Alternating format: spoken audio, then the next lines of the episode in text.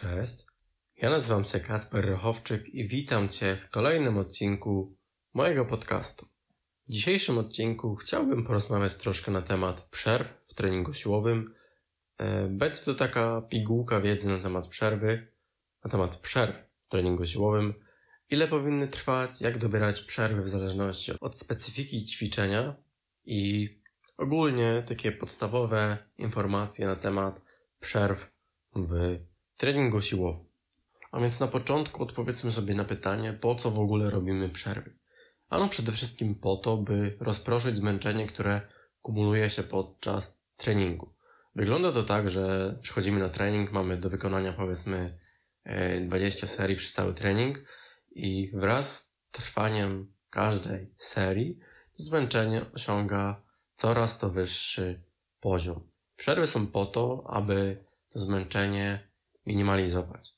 Niestety nie jesteśmy w stanie zahamować całkowicie tego, powiedzmy, procesu narastania zmęczenia, ponieważ e, regeneracja układu nerwowego trwa zdecydowanie dłużej, aniżeli tam, powiedzmy, kilka minut. To tak nie wygląda. By zregenerować nasz układ nerwowy, potrzeba naprawdę kilkudziesięciu godzin, by on wrócił do swojego, powiedzmy, takiego poziomu w ryzach. A więc przede wszystkim przerwy są po to, by ograniczyć zmęczenie ośrodkowego układu nerwowego. Inną kwestią jest to, że podczas treningu dochodzi do czegoś takiego jak e, do wytwarzania metabolitów. I w momencie, kiedy tych metabolitów nazbiera się zbyt dużo, a nasza przerwa będzie zbyt krótka, nasz organizm nie zdąży ich odprowadzić, skutkiem czego będą nadmierne mikroszkodzenia wskutek czynników chemicznych. I odczujemy taki efekt po około 24 do 48 godzin po treningu. Wtedy te, e, tak kolokwialnie mówiąc, zakwasy e, będą w takim, można powiedzieć, szczycie, piku. No i taka ostatnia rzecz to odnowa substratów energetycznych, takich jak ATP czy fosfokreatyna. A więc ujmując to w takich trzech krótkich punktach, przerwy mają na celu ograniczyć zmęczenie układu nerwowego, odprowadzić metabolity oraz odnowić nasze substraty energetyczne. Ten odcinek można sobie podzielić na takie dwie części. Jedna będzie krótsza, druga będzie nieco dłuższa, ale też relatywnie krótka, a mianowicie na zbyt długie i zbyt krótkie przerwy. Jak chodzi o zbyt długie przerwy, to mówimy tutaj o przerwach powyżej 8 e, minut i taka sytuacja, kiedy przerwa trwa już powiedzmy powyżej tych 7-8 minut, dochodzi do takiej, dochodzi do czegoś takiego, że nasz układ nerwowy jakby uspokaja się i on po prostu traci takie pobudzenie i kolejna seria, którą mielibyśmy wykonać, może okazać się, że będzie dla nas zbyt ciężka i będziemy dosyć mocno zaskoczeni. Dlatego ta przerwa nie może być ani za krótka, o czym zaraz powiem dlaczego, ani zbyt długa ze względu na to, że nasz układ nerwowy przestanie być po prostu pobudzony. Natomiast jak chodzi o zbyt krótkie przerwy, to może dojść do czegoś takiego jak do wyłączenia e, rekrutacji wysokoprogowych jednostek motorycznych. Wysokoprogowe jednostki motoryczne to motoneurony, które zarządzają największą ilością włókien mięśniowych o największym potencjale do wzrostu. A więc jeżeli e, zależy nam na jak największych efektach hipertroficznych, no to powinniśmy się skupić na rekrutacji tych oto wysokoprogowych jednostek motorycznych. I tak jak wcześniej powiedziałem, wraz z trwaniem naszego treningu zmęczenie idzie cały czas stopniowo do góry. A przerwy mają na celu to, to, to, to.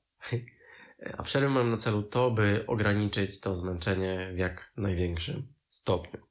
Teraz w momencie, gdy nasze przerwy będą zbyt krótkie, my dojdziemy do takiego piku zmęczenia i osiągniemy, przekroczymy taką, taki próg zmęczenia, powyżej którego nasz układ nerwowy będzie wyłączał jednostki motoryczne w kolejności odwrotnej niż robi to zazwyczaj, czyli najpierw wyłączy jednostki motoryczne wysokoprogowe, później średnioprogowe i na końcu niskoprogowe. Czyli tak naprawdę nasz trening, można powiedzieć, będzie słabszy. Będziemy osiągali takich samych efektów, tak jak byłoby to w przypadku, gdy przerwy będą optymalne, dobrze dobrane. A więc jeżeli chcemy, by nasz trening był, ostatnio w sumie taki popularny wyraz, żeby nasz trening był optymalny, no to musimy przede wszystkim dobrać odpowiednio nasze przerwy. I teraz jak to zrobić? Jest taka fajna analogia na przykładzie samochodów i pewnego zadania. Mianowicie weźmy sobie za przykład trzy samochody e, w kolejności od największej do najmniejszej. Niech będzie to tir, który inaczej. Niech będzie to tir, e, jakiś bus taki większy i zwykłe auto osobowe. Naszym zadaniem jest przepchnąć te wszystkie auta. Teraz przekładając to na trening siłowy, wyobraźmy sobie, że takim tirem będą ciężkie ćwiczenia wielostawowe. Powiedzmy martwe ciągi czy przysiady. Tym busem będą na przykład zakroki czy wykroki, jakieś e, mniej złożone wzorce ruchowe, ale nadal ćwiczenia wymagające od nas większego skupienia.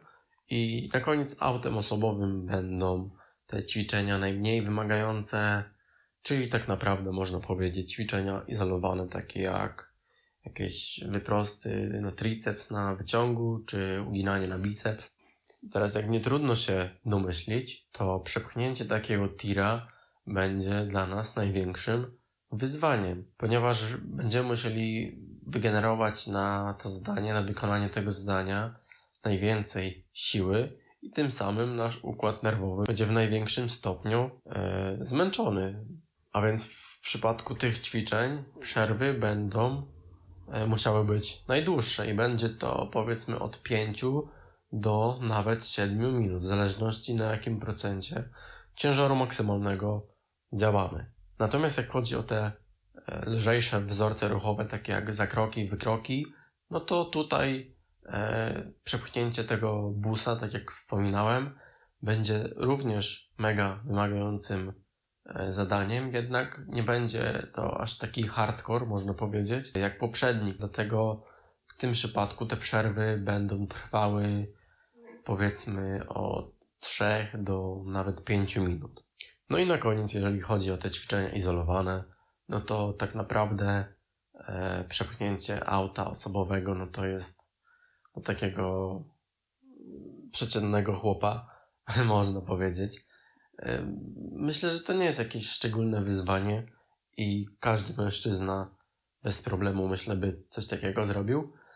E, nie będzie dla niego wyzwaniem, dlatego te Dlatego to zadanie też nie będzie wymagało nie wiadomo jakich pokładów energii e, i tym samym przerwa nie będzie musiała być jakaś nie wiadomo jak wygórowana. Dlatego przerwy w przypadku ćwiczeń izolowanych będą wynosiły powiedzmy od jednej do dwóch minut. Też żeby nie było, mm, te przerwy mogą różnić się w większym stopniu, natomiast e, trzeba wziąć pod uwagę ilość powtórzeń, e, na jaką wykonujemy daną serię, w skalę e, RIR, tak zwaną, jak blisko upadku mięśniowego trenujemy, czy intensywność rozpatrywaną jako procent ciężaru maksymalnego w takich ćwiczeniach jak e, martwy ciąg czy przysiad. Tam właśnie musimy wziąć to pod uwagę i całkiem inaczej będzie wyglądała przerwa w momencie, gdy my trenujemy na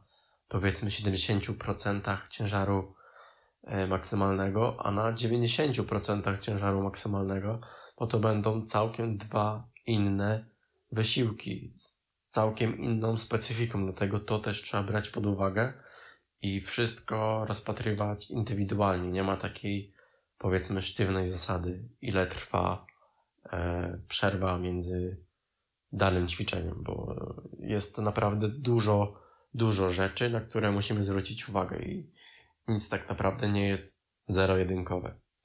W dzisiejszym odcinku tak naprawdę to byłoby na tyle. E, myślę, że wyszedł on krótki, zwięzły i na temat, bez jakiegoś zbędnego gadania. Tutaj jak widzę mam 12 minut nagrywek, także spoko. W sumie jeżeli tego słuchasz, mój drogi widzu, to możesz mi napisać na Instagramie, o czym chciałbyś E, posłuchać w kolejnych odcinkach.